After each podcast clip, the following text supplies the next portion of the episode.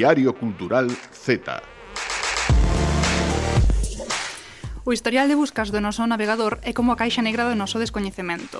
Se non atopamos resposta a algo no noso cerebro, se non temos esa información, acudimos a Google para buscala, de modo que todas as ligazóns que aparecen aí nese historial revelarían aqueles asuntos que nos causan dúbidas ao longo do día, que nos interesan ou des que non temos nin idea e queremos saber algo máis. E iso vai dende querer saber a idade que ten tal persoa a comprobar o título dun libro, ver o resultado dun partido ou averiguar máis sobre sexo. E isto último é lóxico porque nos nosos espazos diarios non se fala sobre este tema pero estaría ben que o que tecleemos en Google sobre sexualidade non parta de aí, dese descoñecemento absoluto porque se considera un tema tabú. Hai que falar de sexo e falalo en termos de diversidade, de desexo e de consentimento, introducir nas nosas conversas todas estas cuestións que por veces parecen espantar un pouco a multitude e hai que facer cultura diso, porque senón as respostas que obtemos a certas buscas a curto e longo prazo sí que nos espantarían e con razón.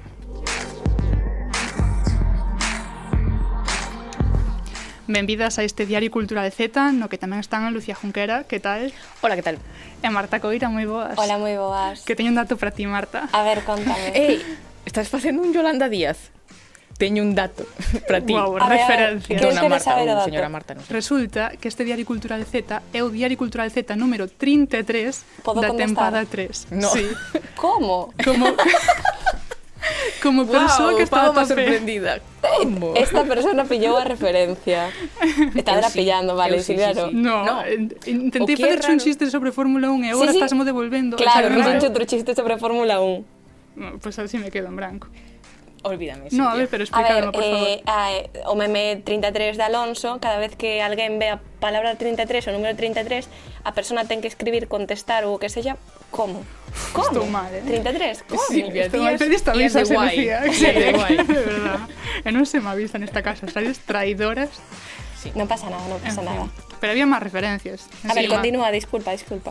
É que xa avanzamos os contidos do Z de hoxe, imos vagar das letras galegas de Francisco Fernández del Riego que, para a túa información, Marta, teño outro dato. A ver. Naceu na casa do 33. Como? en fin, isto vai ser así. Vai a ser si cada vez que pronuncies esa palabra, esa, ese número. Ya está. O innombrable. Sí. Pero outra referencia máis aínda. Vale. Porque na colaboración de música de Alex Gándara, que hoxe estará por aquí, temos un grupo de Valga que se chama Copa Turbo. Pero a ver, como que de Valga? De Valga. Ten integrantes de Catoira, vale. Vale, vale así me gusta. Eh, os dous rapaces que están aquí, un é de Padrón e outro de Catoira, eh, eso de Valga.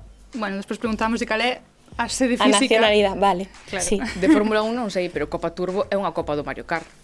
Sí, Imoslle preguntar tamén, non iso. É un Renault moi bello, pero, en fin, isto xa, oxe, de verdade, demasiado boomer, oxe. En fin, aparte disso estaremos tamén en Polonia porque recuperamos a nosa sección de máis alado Padornelo, estaremos ali con dúas irmás xemelgas, e estará tamén por aquí Jesús Silva coa súa colaboración audiovisual na que nos falará do Coidado, a nova curta de Miguel Canalejo. Así que xa con estas referencias, con estes mm, momentos de vergoña que me fixestes pasar, imos comezando. Música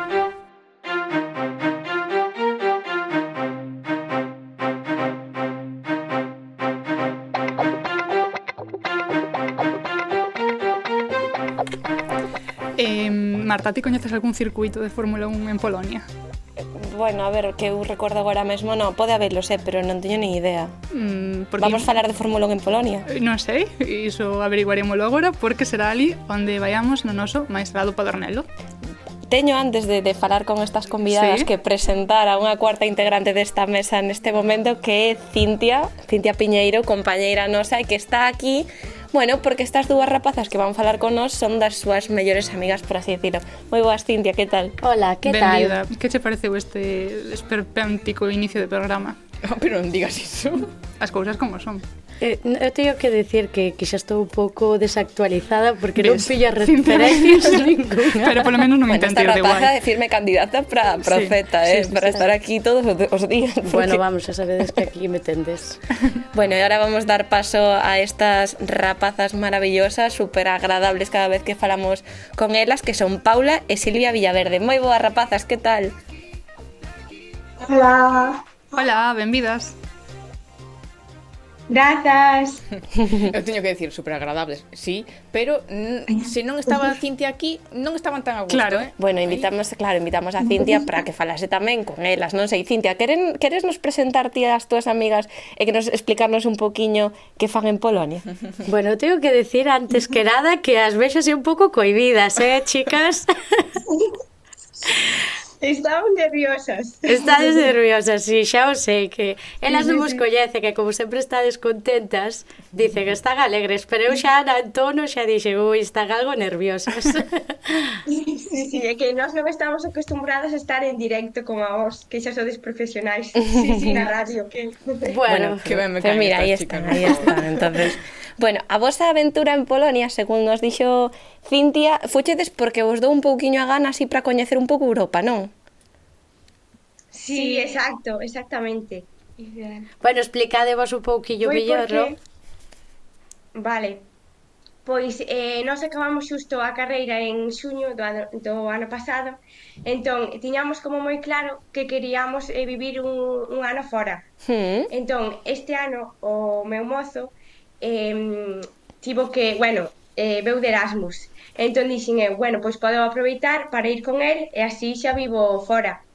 E como Silvia tamén quería eh, ir e vivir a experiencia, pois ao final eh, viñamos as dúas tamén estamos aquí os tres en Polonia vivindo. Sí, ah, pues en, concretamente en Cracovia. Sí. En Cracovia. Pois pues, ah, que guai, ademais de decirlo así tan, tan sonrientes que a min dame ganas de irme con vos tamén a, a vivir a ese piso en Cracovia. Hai que decir que, bueno, que para rizar un pouco máis o rizo, vos estades a estudar neste momento eh, un máster pola Universidade de Barcelona, non? De, de que vai ese máster? Por exemplo, Silvia.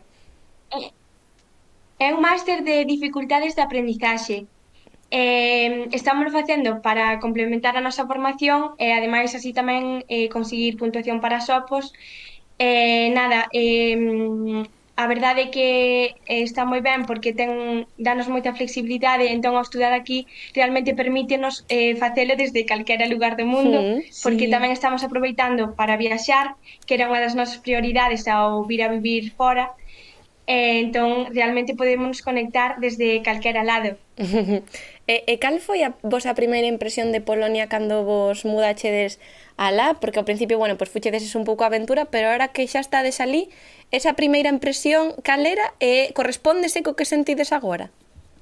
Paula, por exemplo. Eh, Vale. Eh, pois, nós xa estiveramos en Polonia en 2018 porque fixamos o Interrail. Eh, ah. E a nosa primeira impresión da cidade, que de feito estiveramos en Cracovia, fora como moi gris, porque de feito viñeramos en verán, estaba chovendo e nós pensáramos, mima, que cidade máis aburrida, gris, pero eh, todo cambiou este ano que volvemos a estar en Cracovia e este ano encántanos porque pensamos que a cidade está moi ben diseñada eh, ao final eh, está moi ben situada no mapa de Europa, entón mm, cambiounos completamente a visión e de feito estamos moi agradecidas de escoller eh, Cracovia e non outro destino porque ao estar tamén situada axúdanos moito para viaxar e incluso no tema económico é super super asequible. Sí, iso é un dato importante. Sí. No, é que ademais Paula e Silvia xa dende que as coñezo son super viaxeiras, as dúas.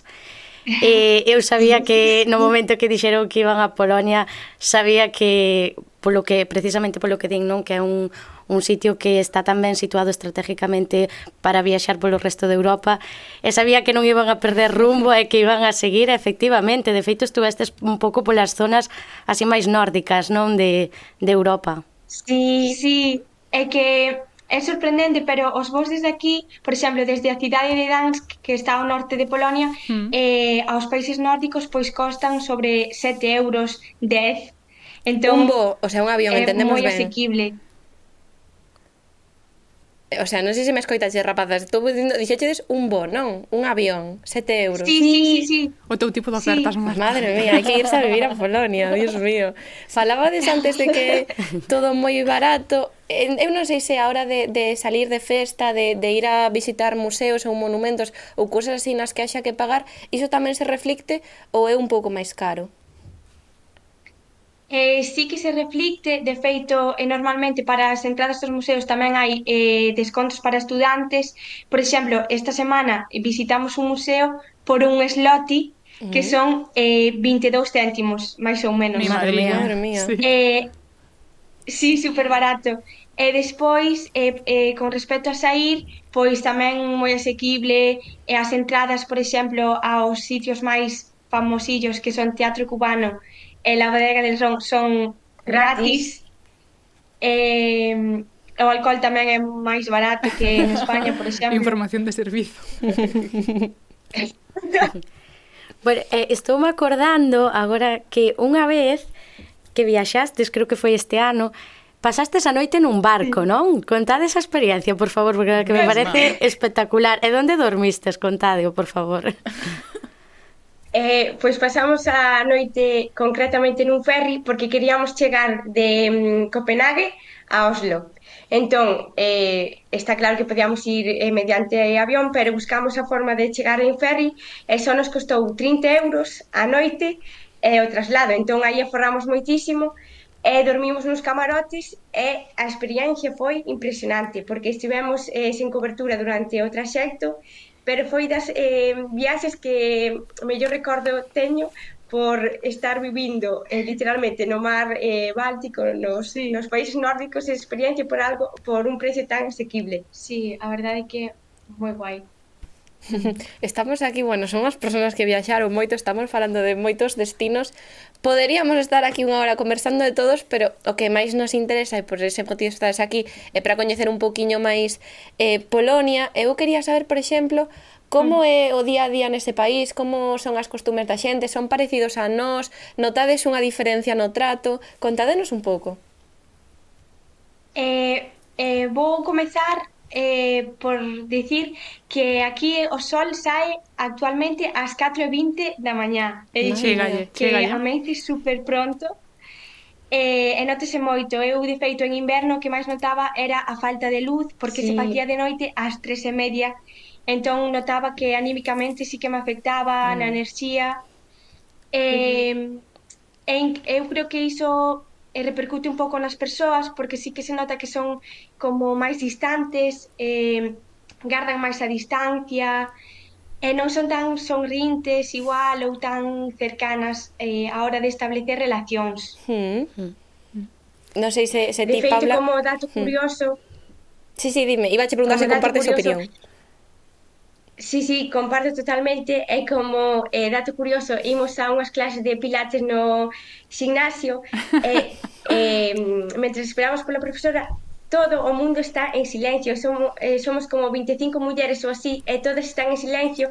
E penso que se estiveramos nunha clase en Galicia sempre estamos como comentando algo que tal che foi o día, que bonitos leggings. E aquí, en silencio. E, e que é sorprendente como son eh, máis distantes e hmm. velos como máis lonxanos para mm, poder emitir como un trato. Son super respetuosos e respetuosas, iso sí, a verdade, pero eu sí que notei ese primeiro choque persoal, o sea, choque cultural, sí, de, sí, sí. da diferenza de, de distancias de disciplina, non? Tamén sí que teñen un pouco ese, esa fama, non? Sobre todo a xente de pois, Alemania, Polonia, sí, sí que é verdade que, sí, que é sí, algo sí, que sí. se comenta moito. Eu quería saberse, claro, vos sí. entonces vendo esta distancia, eh, con que personas vos levades, porque igual hai un choque entre españoles e, e polacos, non sei se hai por, por ali máis galego, xente de, de, de outras partes de España, eh, bueno, estaba o, o, o mozo de unha de vos, o teu mozo Paula, que, que bueno, que é daqui, supoño, pero aparte de, de ese circuliño, sí. con quen máis podes tratar no día a día? Eh, pois mira, eh, xusto un día saímos de festa E aí foi cando eh, fixemos como amigas polacas e son esas as persoas coas que nos levamos aquí que temos unha relación super básica pero esas persoas sí que son amables e cercanas sí. pero eh, sí que notas a diferencia cultural de que mm, non se abren tanto como por exemplo unha persoa galega ou un español que literalmente coñecelos un día de festa e xa somos como amigos para sempre, sabedes? Mm, -hmm. amigas de baño, que son as mellores amigas que se poden facer. É, non sei se vistes o mapa este. sí, sí, sí. O mapa este de Europa no que sitios nos que te convidarían a tomar un café cando vas sí, a casa sí, e, sí, sí, sí, sí. e en plan, de Cataluña, xa Cataluña xa pouco, pero dos Pirineos para non invitan a café Está en ningún lado. o poder do aceite de oliva e o peor o poder da da manteiga. Sí, claro, básico, diferentes culturas. Sí, sí, bueno, un café. Sí, sí. Date conta que un café é caro, eh? na zona norte claro. de Europa pode ser caro, eh? Eu acórdome en Grecia... É máis barato viaxar que tomar un café, non? Pois pues sí, eh? pouco máis valeulles tanto ¿eh? a elas viaxar a, sí. a Oslo como a mí o café en Grecia, porque madre de Dios. un café da máquina costa máis que os 20 céntimos eses de ir ao museo tamén. Ves? Bueno, tamén. Hai bueno. que mirar o peto, amigas. Bueno, vamos, vamos a ir mirando o peto e vamos a ir mirando o peto en Polonia, porque sendo todo tan barato, recomendádonos eh, xa sitios para sair, xa dixéchedes, pero sitios para visitar supoño que ten bastante presencia bueno, os monumentos do holocausto, non sei se estuvechedes por algún deles, por Auschwitz ou así, ou donde nos recomendaríades ir nese sentido? Eh, pois se vides a Cracovia eh, hai unha excursión recomendada que se fai desde aquí de feito que é visitar o campo de concentración de Auschwitz e eh, saen sobre 30 euros a excursión son 7 horas, eh, pode ser con visita guiada é eh, unha experiencia moi recomendable porque ao final eh, podes ver iso en persoa. Uh -huh. Despois na cidade tamén está a fábrica mm, da lista de Schindler, uh -huh. a película. É un museo actualmente sobre esa época da historia é realmente fascinante. Un museo de verdade que está super ben logrado e que conta todo eh, genial. E será super, e despois super pola duro, cidade non? tamén Sí, sí, sí, sí, sí, é moi impactante, a verdade. Decíades que na cidade, desculpa que vos interrumpín, eh, hai máis cousas que ver porque hai un montón. Seguide contando. Sí, pois eh, a cidade está chea ao final de recunchos eh, moi históricos, mm. hai moitísimas iglesias, de feito, só na mm, cidade de Cracovia hai 138 iglesias, para que vos pagares sí. unha idea. Unhas eh, poucas. Eh, despois tam eh, tamén está o barrio eh, judío, Hmm. que é tamén está cheo de mm, referencias históricas do holocausto, de todo o que tiveron que sufrir, e iso é moi moi interesante. E o gueto tamén. E o gueto tamén. O gueto xudío aparte, que tamén ten historia e tamén se poden ver os restos do muro, sí. do gueto. Entón, eh, realmente é unha cidade moi histórica eh, na que aprendes un montón. Mm.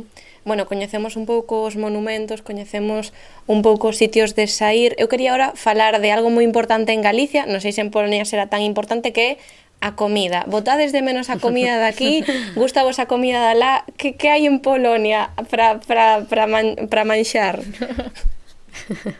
Pois, eh, se vindes aquí algún día, tedes que probar si ou si os pierogi. Os que? que son como... Como lles chamach? Os pierogi. Mm non sei se vos soan, que de son nada, como dumplings. No. Sí. De nada. Eh, están moi moi ricos, que son moi típicos. Despois tamén eh, aquí hai moita cultura de carne, entón cómese moita carne.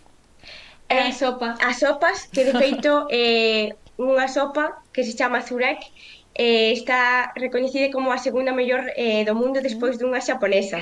Ah, pero estamos vendo aquí imaxes dos piroguíes e son unhas empanadillas de toda a vida, eh? Pero con nome polaco. sí. Bueno, eh, eh, eh, xa vos temos que despedir, non podemos seguir falando moito máis, pero antes de, de darvos adeus, quería preguntarlle unha cousa a Cintia. Cintia, ti agora despois de escoitar toda esta comida, estos sitios a dos que ir, os bares estes que mencionaron antes, o teatro cubano, vas a ir a visitar as túas amigas a Polonia próximamente? Ojalá. Que compromiso, eh, che acabo de meter.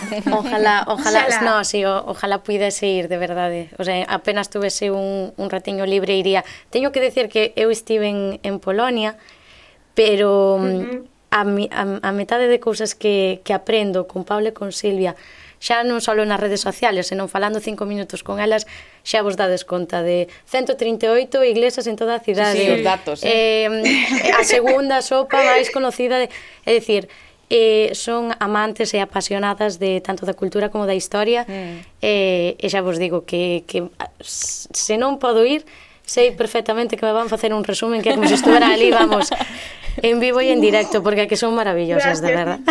Que dá gusto, eh, ver xente que non só pasa polos lugares, senón que se nota que os lugares sí, sí, pasan. Que os levan con eles, sí, totalmente. Sí, sí. Silvio e Pablo creo que son totalmente así. Sí, jo. sí.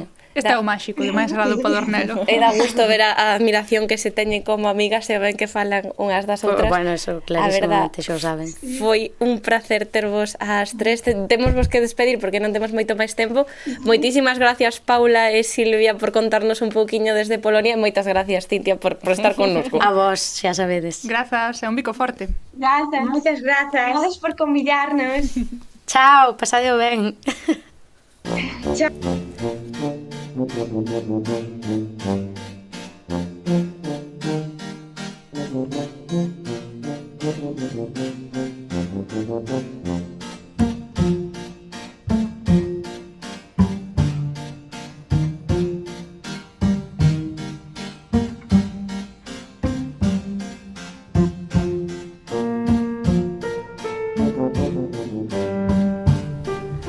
Sofía Junquera. Hoxe os clásicos con Z cambian algo de nome, pero mantéselles o, o Os clásicos os... sempre serán clásicos. Sí. Estes van ser clásicos letras galegas. Ben.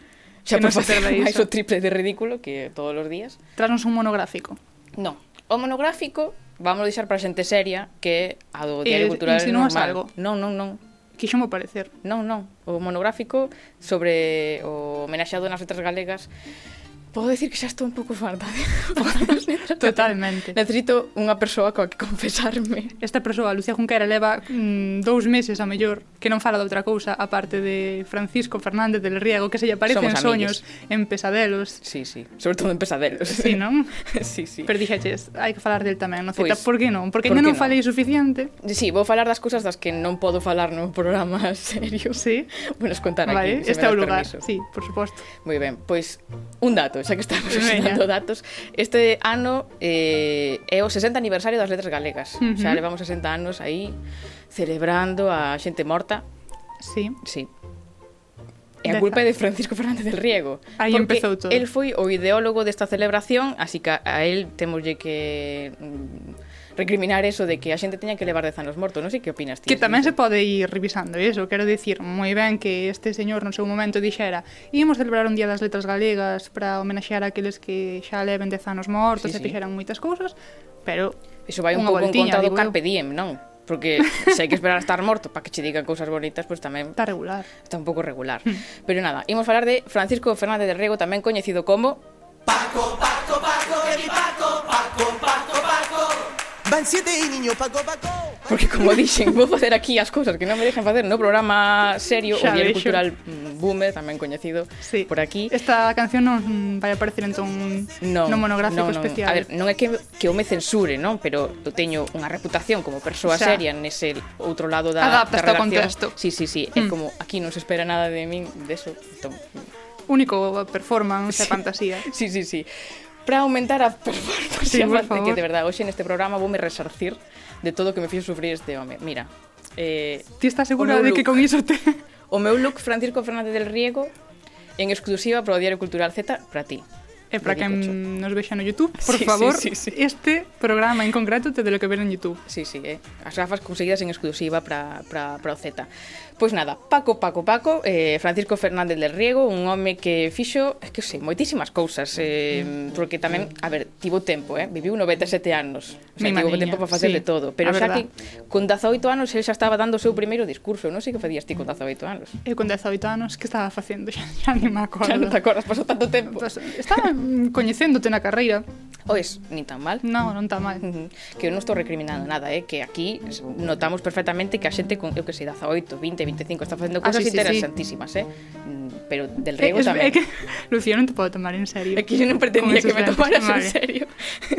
pues nada, con 18, 20 años... Eh, Paco, mm. don Paco, pros amigos, pros amigos para nós, é xa o primeiro estudante en dar un discurso no inicio do curso de, na, na Universidade de Santiago. O primeiro e único estudante Ajá. que deu un discurso nese momento solemne así, non, de inicio das clases. Ti dirías que naquel momento xa levaba uns lentes como eses que tras ti? Probablemente, un lentes é un puro, porque ese, esa xente nace bella xa, eh? Xa.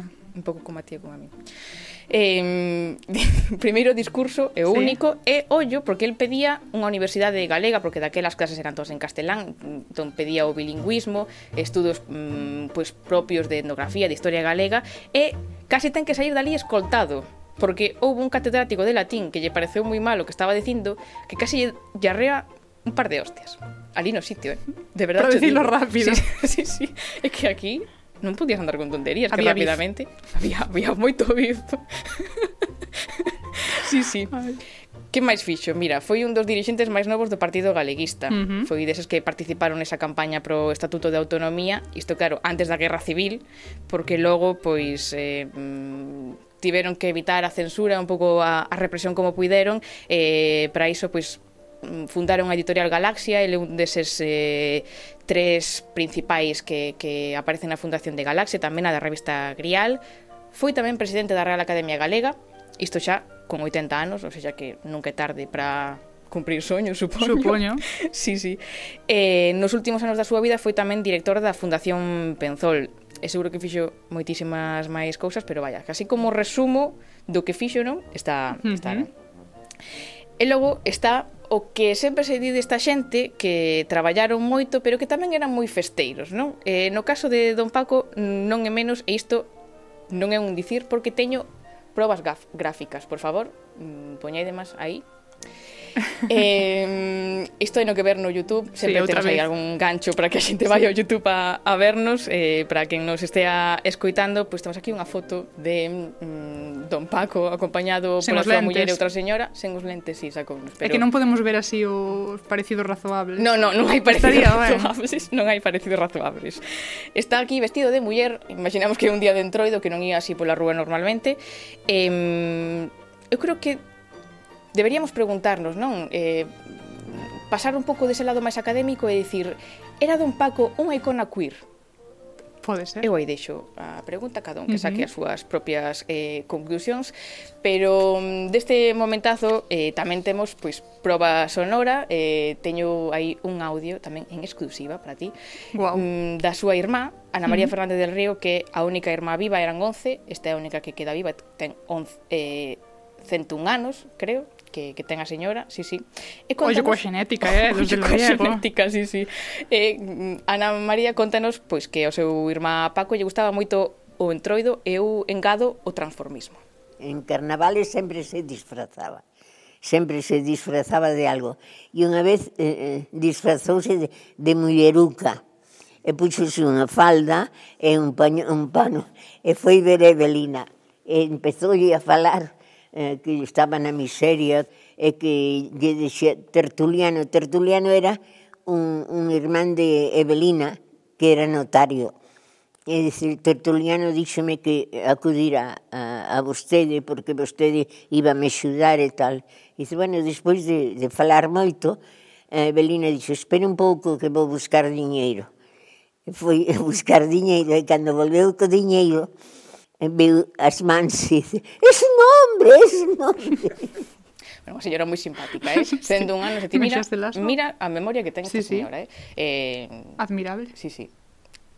Tamén, isto, eh, para quen sexa o mellor máis eh, futboleira, sabemos que Paco era socio do Celta, Celta de Vigo, uh -huh. eh, parece ser que non perdía un partido en, Badal, en Balaídos. Que opinaría don Paco do himno que está preparando Zetangana? Seguro que lle encantaría que mm, aí onde vemos a Paco era moi amigo da, da, da xente nova, das novas ¿Sí? xeracións, non era destos eh, vellos que decían esta xente nova non vale para nada, non, el estaba aí mm, Como debe ao lado ser? das novas xeracións, eso sempre hai que uh -huh. hai que dicilo.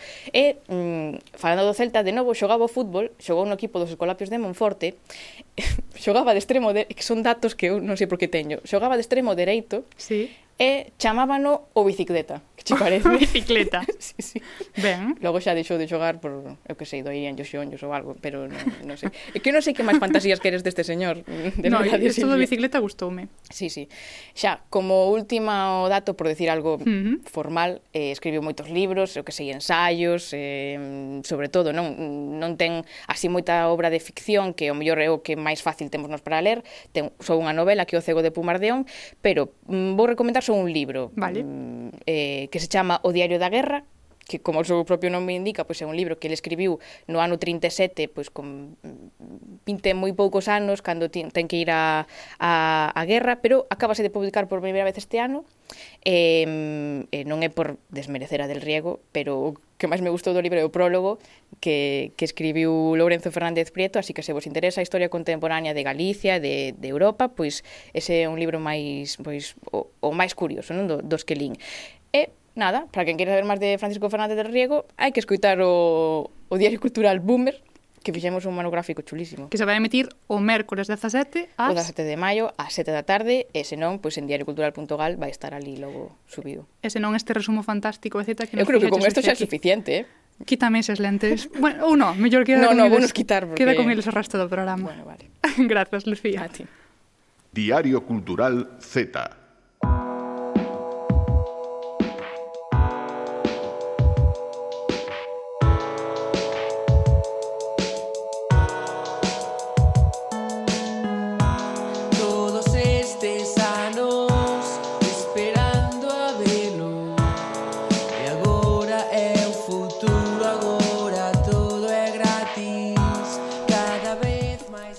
Esta sintonía da colaboración de audiovisual ten a canción de Todos xuntos, unidos sempre, e vai Jesús Silva e abandónanos. Ou polo menos aquí no, no estudio, porque por teléfono estás, non, Jesús? Moi boas.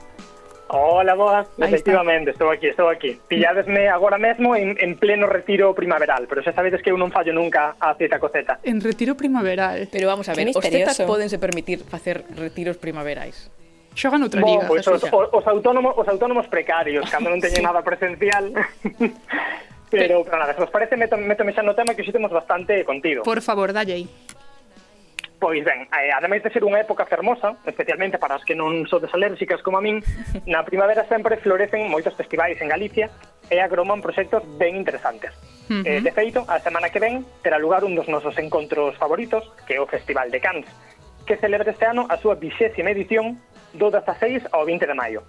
Xa levan 20 anos de agroglamour Alano Porriño que van festexar por todo o alto con proxeccións, encontros e concertos nas rúas, galpóns e leiras da vila.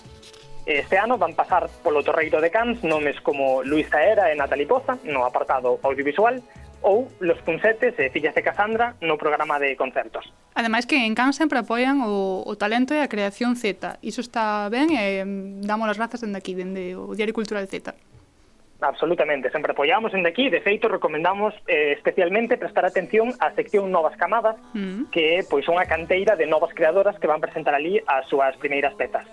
Con todo, eu hoxe veño a falar da sección oficial do encontro, que este ano acolle 12 curtas eh, de estreia en Galicia, entre as que topamos Alicia Fai Cousas de Ángel Santos, O Neno Sardiña, de Lucía Esteves ou O Coidado, de Miguel Canalejo. Uh -huh. E precisamente, este último estreaba hai uns días o tráiler da que é a súa segunda cortametraxe como director, E claro, eu non puiden resistirme a entrevistalo. Normal. Eh, eu penso que Miguel Canalejo pois case non precisa de presentación, pero para aqueles que anden un pouco perdidos, imos lembrar que Miguel Canalejo é actor, guionista e director, naceu en Vitoria, pero criouse na Coruña, graduouse en arte dramático pola ESAD, Puidémolo ver en series e en programas de tele como Serra Moura, Método Criminal ou Cuéntame como pasó, ollo aí.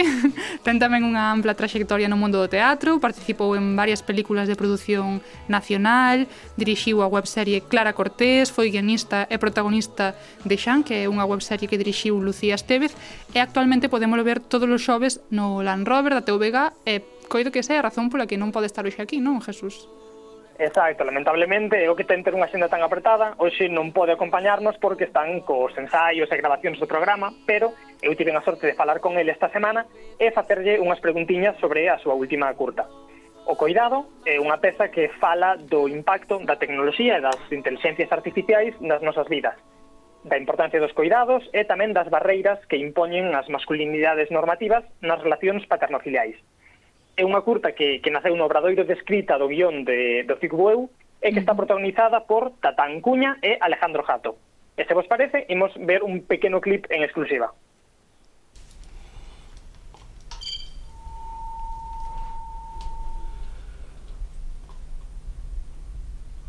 Hola. ¿En qué idioma quieres que te hable? ¿En qué lengua quieres que te fale? en galego. Moi ben. Como te chamas? Eduardo. Hola, Eduardo. Eh, e eu como me chamo?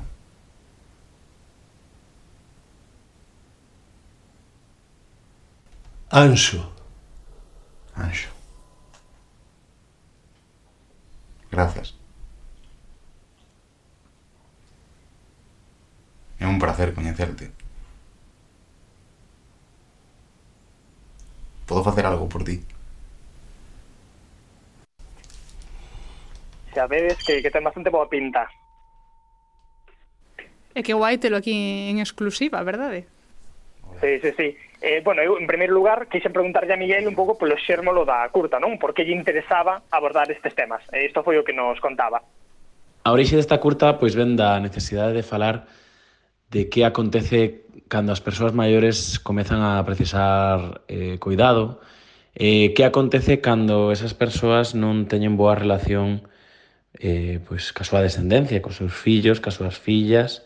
Eh, eh, bueno, neste caso, pois falando un pouco de que acontece cando esta separación, digamos, pois ven do feito de que o fillo en cuestión eh, pois é homosexual ou ten unha relación cun home. Non especificamos se é homosexual ou bisexual, simplemente vemos pois que hai unha relación de, de dous homes. Em, interesábame moito falar destas, deste tema, em, deste xeito un pouco por... Bueno, porque parece, parecíame que había algo interesante na, nesta separación e sobre todo pois como en que acontece cos pais e cos fillos cando os fillos non son o que queren os pais e que pasa cos pais cando non son o que queren os fillos, non sei se me explico. Explícase, explícase moi ben aquí Miquel Canalejo.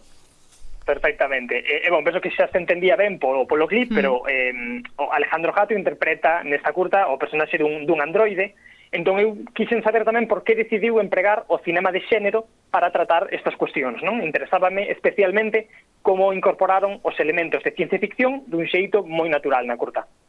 Eu escollín un pouco falar eh, destos temas en clave de, bueno, de ciencia ficción porque, bueno, eu creo que as criaturas un pouco eh, extrañas que escapan da normalidade, pois como poden ser eso, pois os cyborgs, os androides ou, ou outro tipo de monstruos sempre teñen unha lectura moi queer, non? Sempre son seres que escapan da norma e mm, incluílos nas narrativas pois abren espazos para mm, contar historias moi diferentes e contar historias de, mm, de, de seres que non son o que o, o normal, digamos. Eh.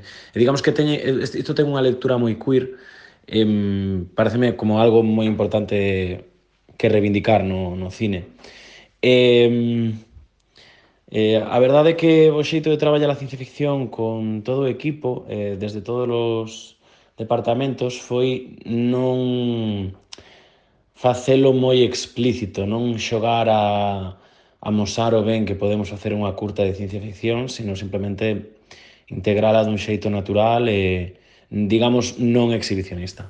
Mm, que guai esa maneira de xuntar esas dúas perspectivas ou atopar ese punto en común e chegar ao resultado desta curta ou coidado. Totalmente, que a pesar de ser eso, unha obra de ciencia ficción está moi centrada na, nas personaxes e a relación mm, entre elas. Sí E non sei vos, pero tendo en conta a ampla trayectoria de Miguel como actor, eu tiña curiosidade por saber como foi precisamente o traballo cos dous protagonistas. Entón, pregunteille se este é un aspecto da dirección do que goza especialmente ou se considera particularmente complexo.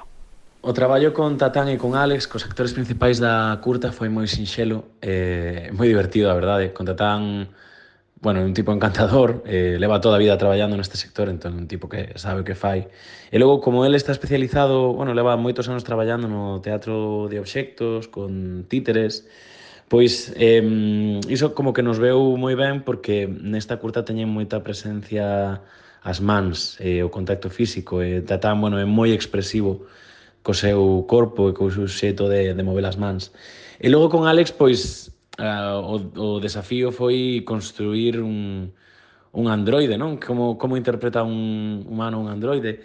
E, bueno, o noso punto de partida foi pois como con calquer outro personaxe, non? Pensar no seu obxectivo e, en este caso, o obxectivo do androide é coidar de Eduardo e para facelo pois ten que parecer o máis humano posible. Por eso eh, Alex non actúa dun xeito mecánico, non, non trata de facer unha exhibición do que é ser un androide.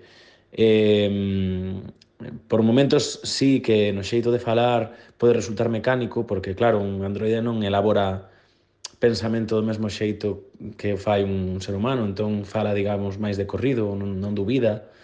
E ás veces cando mira, podemos ver como vai analizando a, o, o sitio onde se atopa. Tatán, que co vimos tamén na peli de Álvaro Gago en Matria, na que interpretaba pois tamén a un señor maior que, que estaba sendo coidado por unha muller neste caso e agora por un androide. Así que as reflexións e conclusións e comparacións que se poidan sacar dunha cousa a outra tamén poden ser interesantes.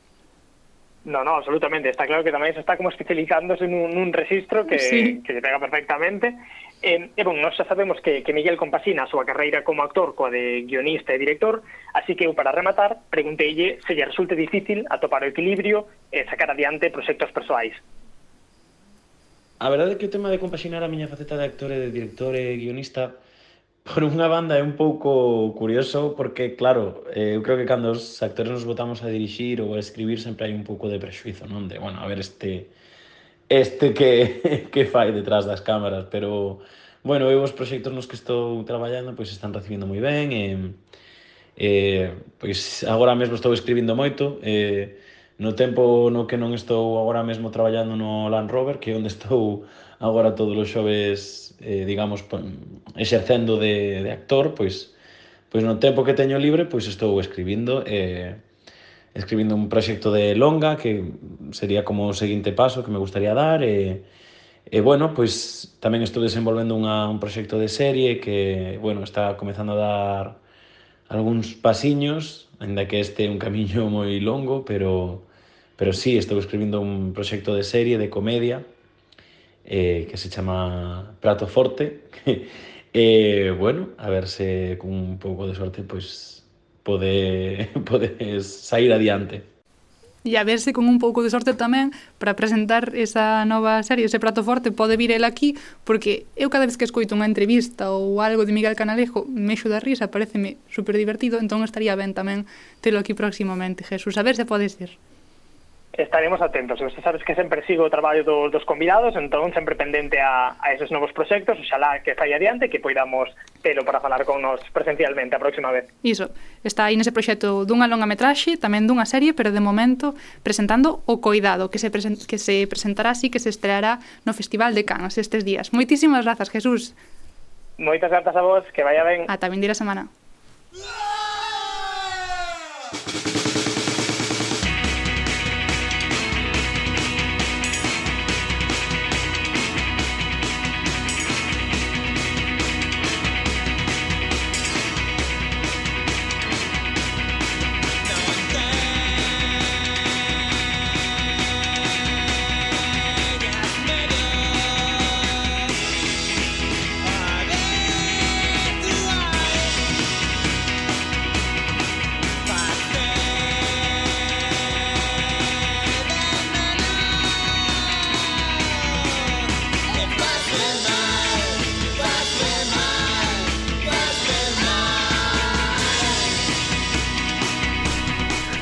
Alex Gándara, que tal? Ben, aquí ríndome un pouco porque... aquí, Lucía, porque no esas extraña. gafas aí na cabeza que... Pero pones ponos Donde as mercaches, Lucía? Como donde as merquei? Xa tiña na casa.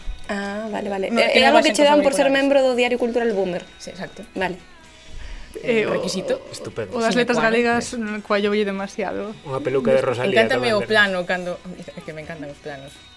Perdón, mirado no YouTube, porque que Sí, eu sei que, que aquí o look de, de Lucía acapara miradas porque Total, eu merece... non quería eh, eu iso, pero pero ves aquí falar de música. Efectivamente, veño fixetar un grupo que tiña, tiña moitas ganas de traelo, ¿Sí? porque os vin xusto eh, a semana antes da primeira vez que estuven aquí, no Festival Artificial en Rivadavia. E xa eh, sabías que ias vir? Eh, no, xa sabía que iba a vir eu, sí. sí. Eu sabía que iban vir eles, pero claro. eu quería que viñeran. Pero se, xa, se leva dicindo sí, sí, sí. todos, cantos programas levamos a temporada, pues todos esos programas, todos os estaba dicindo, teño que traer a este, teño que traer a este, ¿verdad? Sí. Estaba esperando a que sacaran algo, eh, eh, pues estamos de suerte porque acaban de sacar o primeiro o adianto do seu primeiro disco, eh, chamase Fin de ano no Manchita Cosa, eh, se queredes, pois, eh, antes de, de nada xa eh, escoitámolo, non? Eles son Copa Turbo, eh, isto sona así.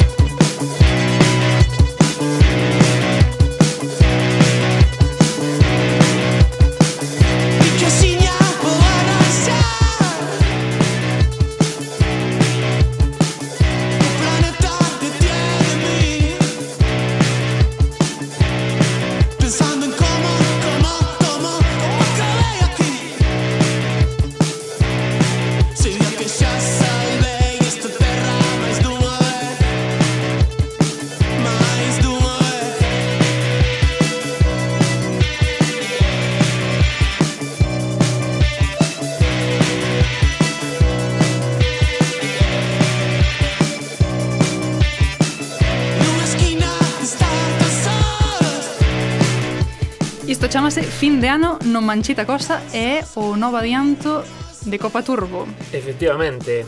Que tal estás? Hola. Temos por aquí a dous dos integrantes, que son Óscar Revillas e Manuel García. Que tal? Manuel, Manuel Rodríguez. Manuel Rodríguez, pois pues, hai fe de ratas. Pasei mal o nome a propósito. Ah, vale, para deixarnos quedar mal, moi ben. Xa me parecía. Pareceme feo, eh, pero xa falaremos. eh, Jo, tiña, bueno, xa, xa decía que tiña, tiña moitas ganas de traelos porque eh, teñen un directo, a verdade que é que brutal. Bueno, xa se, xa se escoita aí un pouco, no, no, no, no que vai ser o disco, eh, un rollo así eh, bueno, que parte se cadra dunhas, dunhas raíces máis punk e máis garajeras, no? Cun, cuns matices así moi moi interesantes, non sei se foi a, a esta evolución un pouco do vosso sonido, non sei que, que, que música vos mola, que como, como chegaste hasta aquí. Sí, a, o primeiro que fixemos foi empezar por unha necesidade, esta urxencia de querer expresarte de alguna forma. Montamos un grupo, eh, como as dúas semanas tiñamos un set para ir tocar por aí que se baseaba todo nas míticas progresións do garaje. En dúas semanas xa. En dúas semanas, sí. Con temas dun minuto, eh, veña, sí. arriando Eh, esta é a base, porque era como a ferramenta máis rápida que tiñamos nós para poder lanzarnos a facer cousas, non? a evolución foi un pouco natural, en verdade. eh, todos son unha serie de influencias que van configurando o teu son, os teus gustos, etc. e varían ao longo da vida, non? Mas isto pode ser pois, a evolución de, dese de primeiro punk. Ten esa esencia punk, pero hai cousas novas. O sea, empezas como facendo o que sabes e despois terminas eh, derivando nun son que realmente non é que buscares, encontráchelo ti porque é a tua maneira de, de, de tocar, de cada un é diferente E ao final xuntase entre todos nun son que ven sendo isto que é o primeiro disco que vamos quitar, vamos. Tamén che digo que isto é unha das cancións do disco, pero igual a seguinte igual non ten nada que ver, quedou un disco bastante... sí. a, min, a min recordoume a, o primeiro de, de Triángulo, por exemplo, cando vos, cando vos vira, non sei se, se algo que escoitades. Eh, sí, sí, Triángulo, referentes, vamos. pa min. A mí gustame tamén. Eu, eu, no, no, no, sí, sí, sí, un saúdo a triado alguna. Eu quería preguntarvos, eh. escoitando esta canción que me acabo de fixar, que tes unha camiseta que pon me son a rúa catoira, todo hai que decirlo, ves facendo publi, pero este, este, esta de tema era noite de fin de ano no Manchita Cosa. Por que? Manchita Cosa que está en Ferrol e non o mesón a rúa que está en Catoira, por exemplo. E o videoclip está feito na Casa Bella en Valga. Oi, pois pues, moita mezcla aí, non vos entrades, eh? A ver, a cousa é que os temas nacen sempre como unha especie de proceso orgánico no que nos poñemos facer ruido, como ruido que como que é o motor do grupo, basicamente. O ruido é as... algo así, non? Eh podemos decir.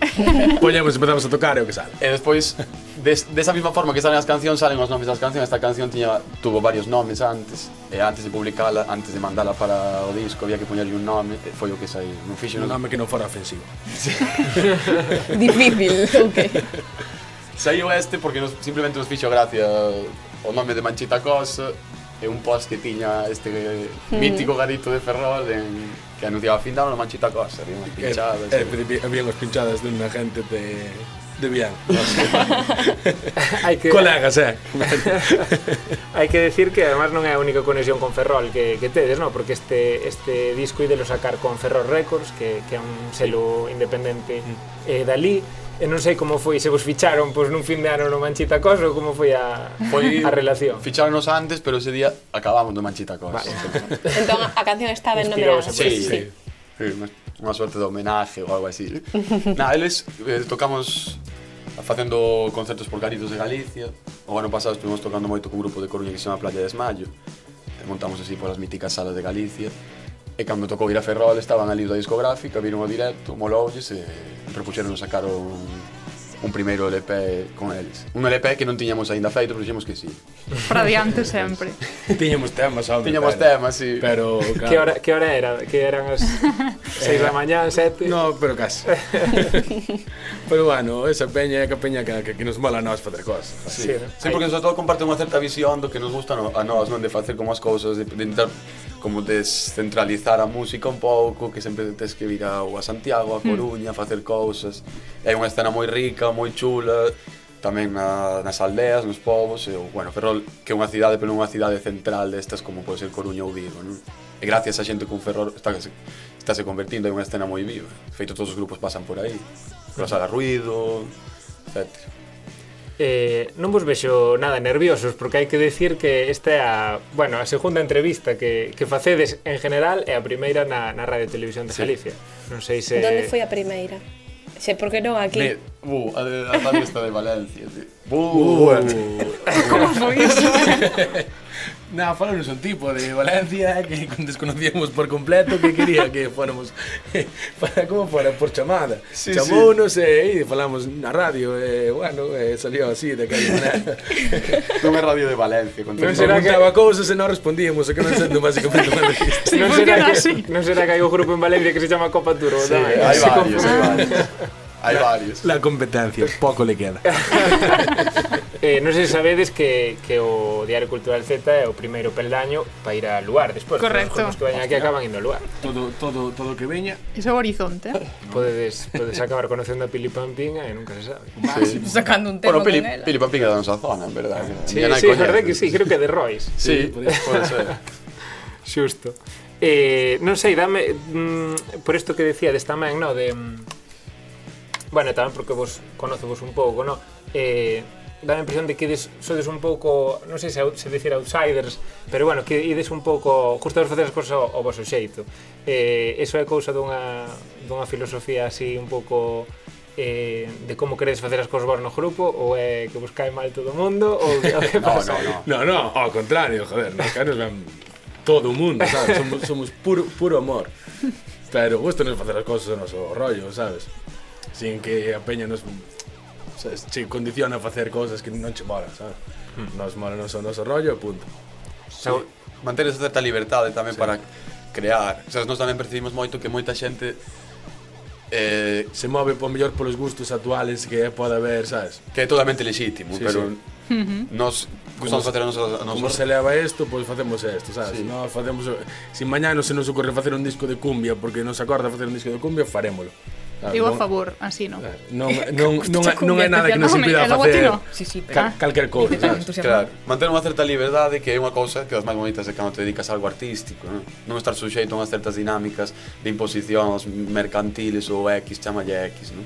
E eh, nós eso sempre tuvimos bastante claro, sí, sí, o sí, tema sí, de ser libres, de ter un traballo aparte que isto non sexa un objetivo monetario para que, que se pervirta de alguma forma. Entón eso tamén eh, fai que estés tamén un pouco que eh, todo que a escena Que de feito a, o ah, disco... A Sten.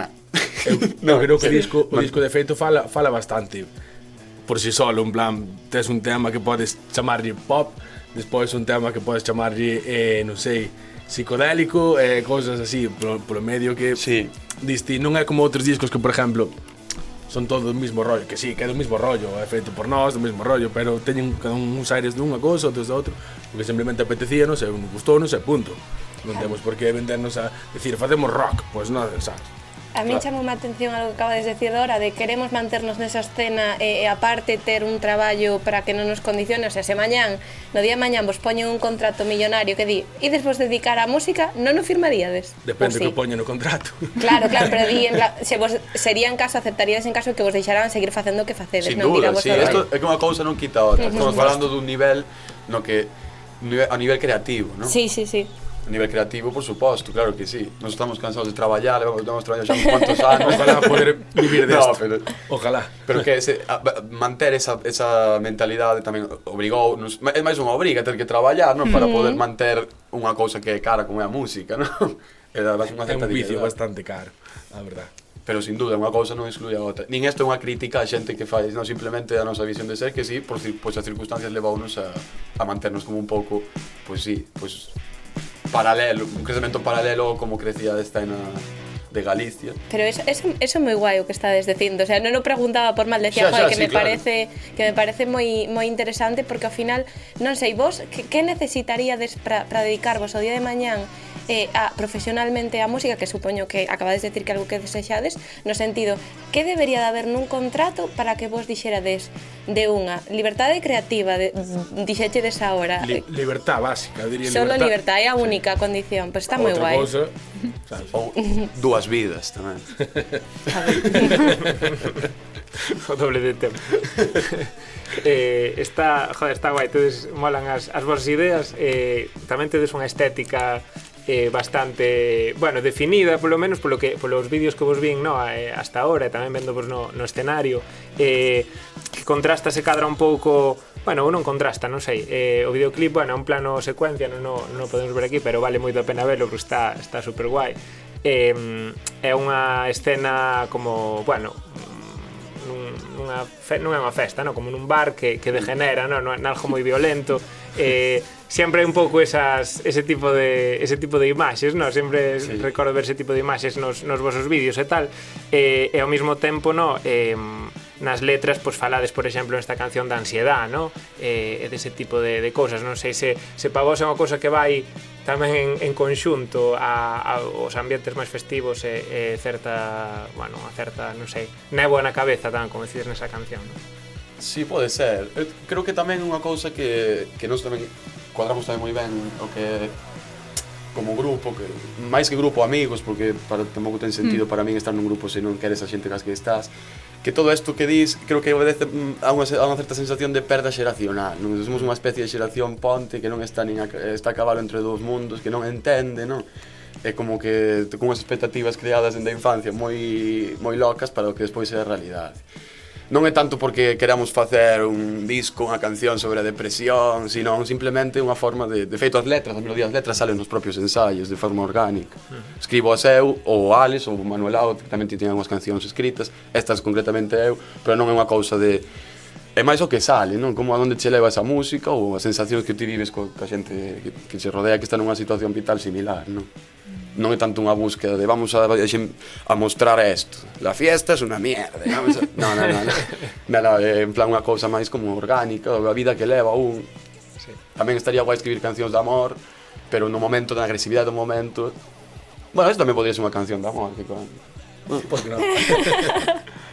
Imos escoitar un chisco máis esta canción.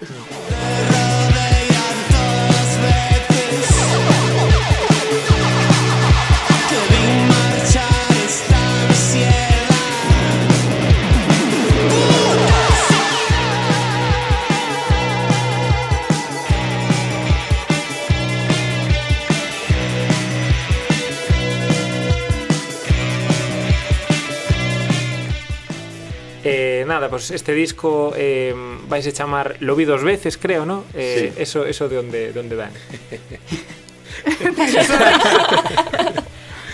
Dunha festa que houve en Portugal que fomos tocar unha festa privada, había un tipo un pouco curioso, cuanto menos. Eh, dixo así un par de frases graciosas eh, e eh, eh, unha era, era, era esa, e quedou. Lo vi dos veces. Sí, además foi o primeiro bolo que dimos os catro, porque antes éramos tres, depois metimos a Juanone, eh, e foi o primeiro bolo que fixemos, estábamos os catro, e eh, foi como a primeira anécdota así que nos pasou os catro, xuntos, indo a tocar, e estuvemos pensando varios nomes e deixamos, va. Bueno, a anécdota sí. non se pode contar, non? Aquí sí, así, fomos tocar unha festa privada a Portugal, pois fomos a outra da mesma xente que organizaba en Zamora, era nun pazo, bueno, unha historia así un pouco curiosa, Qué un guay. pazo, pazo loquísimo que sí. non... Que, como en Rey León, todo lo que ves hasta que... hasta que se pone el sol. E nada, había xente de todo, de todo tipo, nos chegamos ali sin coñecer a ninguén, tocábamos ali con, con outro grupo, con outro con un par de grupos, con un grupo de Madrid que se chama Darmasai, con, con Playa de Esmayo, estes que dixemos antes. E quedamos ali pola noite, había xente moi curiosa, era como que cada vez que avanzaba a noite tamén os niveles de de, de percals que había eran curiosos, o sea, cada vez maiores. E este foi como o jefe final dun videoxogo, no? Ao final da noite topamos con este tipo que era un tío así maior. Que non apareceu ningún momento sí. de noite. Estaba tipo nunha unha, unha, unha habitación ao final da casa, sí, solo. Sí. E nada, empezamos a falar con ele, era como Decía, dime, dime un grupo que, que destos que te guste, míticos, que seguro que lo vi. E dixelle un compañeiro, Nirvana, lo vi dos veces. e unha me quedé dormido. bueno, foi... Aí non, non ten máis, pero foi como estábamos que día, estábamos os catro, foi como unha anécdota deste que recordo. Mi mamá, ah, vaya personaje aquel, de lo vi dos veces, guau. E de noites así, pois pues, hai nomes de discos, cancións... Sí e, e eh, eh, moitas cousas como estas que nos contaron hoxe estes dous integrantes de Copa Turbo, Óscar e Manuel. Moitísimas gracias. Gracias a vos. Gracias. E moitas gracias tamén a ti, Alex. Nada, a vos, como sempre.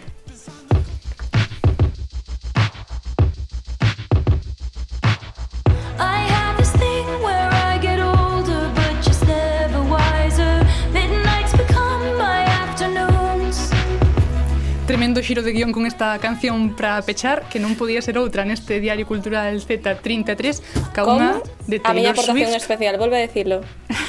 33. Como? en fin, hoxe Ainda non pillaches. Ou... Sí, hoxe aprendi vale, moitas vale. cousas neste Z. En fin, ante todo que viva a fantasía e os memes. Moitísimas grazas, Lucía, moitas grazas, Marta, por ti? ensinarme estas cousas que xa debería traer sabidas da casa. e moitas grazas tamén á xente manja que nos axudou dendo o control técnico, como Bruno Area, e dendo a produción Miguel Grandío e Maca Reimúndez. Vémonos a próxima semana. problem it's me at tea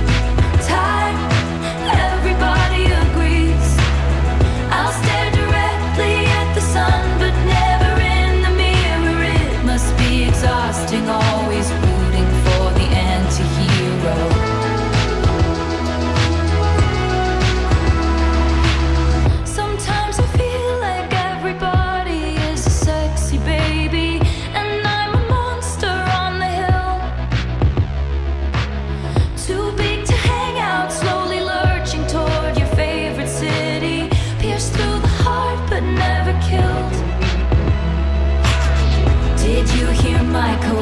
narcissism? Like disguises altruism, like some kind of consciousness. I wake up screaming from dreaming. One day I'll watch as you're leaving, and life will lose all its meaning.